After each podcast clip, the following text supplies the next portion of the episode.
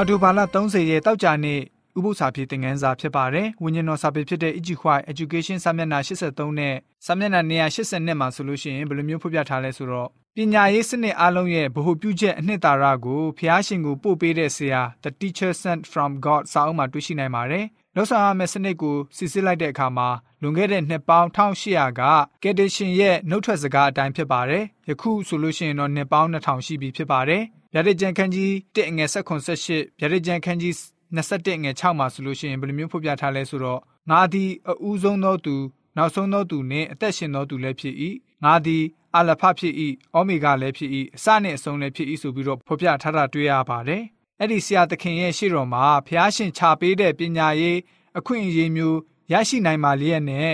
ဘာကြောင့်အခြားဉာဏ်ဖြင်းတဲ့ပညာရေးစနစ်ကိုကျွန်တော်တို့ရှာယူအောင်ပါလဲပညာရေးစနစ်အစစ်အမှန်ရှိတဲ့ ယေရှုရှင်ထံကနေပြီးတော့ထွက်သွားပြီးတော့တမန်တရားလမ်းကိုကြောခိုင်းပြီးတော့အလင်းကိုပြစ်ပြီးတော့သာရအသက်မရှိနိုင်တဲ့နေရာအသက်ဆန်းရင်မစည်းစင်းတဲ့နေရာကျိုးပေါက်နေတဲ့ရေလောင်ကန်အတွင်းမှာရေရှာဖွေနေတဲ့သူလိုဘလို့မှရေကိုရရှိနိုင်မှာမဟုတ်ပါဘူးဒါပေမဲ့ကျွန်တော်တို့ကိုဖျားရှင်ကဖိတ်ခေါ်နေစေပဲဖြစ်ပါတယ်ရင်ငတ်တဲ့သူရှိမယ်ဆိုရင်ငါထံကိုလာပြီးတော့တောက်ပါနှုတ်ကပတော်ရဲ့ဖော်ပြချက်အတိုင်းပဲဖျားရှာဆိုလို့ရှိရင်အသက်ရည်ထွက်ရာဆန်းရည်တွင်ငါပေးတဲ့ရေကိုတောက်တဲ့ သူဟာဆိုရင်ရင်ငတ်ချင်းနဲ့အစင်မပြတ်ကင်းလို့မယ်ငါပေးတဲ့ရေဟာထာဝရအသက်ရှင်မှုထွက်တဲ့ဆန်းရည်ဖြစ်လိမ့်မယ်ဆိုပြီးတော့ရှင်ခရစ်ဝင်ခန်းကြီး9ငွေ34ငွေ39ကနေ38ပြီးတော့ရှင်ခရစ်ဝင်ခန်းကြီး4ငွေ14မှာဖော်ပြထားတာတွေ့ရပါတယ်ဆရာဆရာမတို့တင့်ရဲ့အလုပ်အတွက်အမြင့်ဆုံးပြင်ဆင်မှုပြုနိုင်စေဖို့ဖျားရှင်ရဲ့အဆိုမိန့်တွေသူ့ရဲ့အသက်တာကြောင်းနဲ့နီလန်းစည်းကမ်းတွေကိုဝေငှပေးလိုပါတယ်ဖျားရှင်ကိုအားကိုးပါတင့်အတွက်အတွေးခေါ်အစစ်မှန်ရရှိဖို့ ဖះရှင်ကိုမျှော်ကြည့်ပါဖះရှင်နဲ့အတူသွားလာပါတင်းရဲ့စိတ်နှလုံးနဲ့အသက်တာကိုတန်ရှင်းသောဝိညာဉ်တော်လွှမ်းမိုးတဲ့အထိတင်းဟာဆိုရင်အကျိုးကိုခံစားရပါလိမ့်မယ်ကောရိန္သု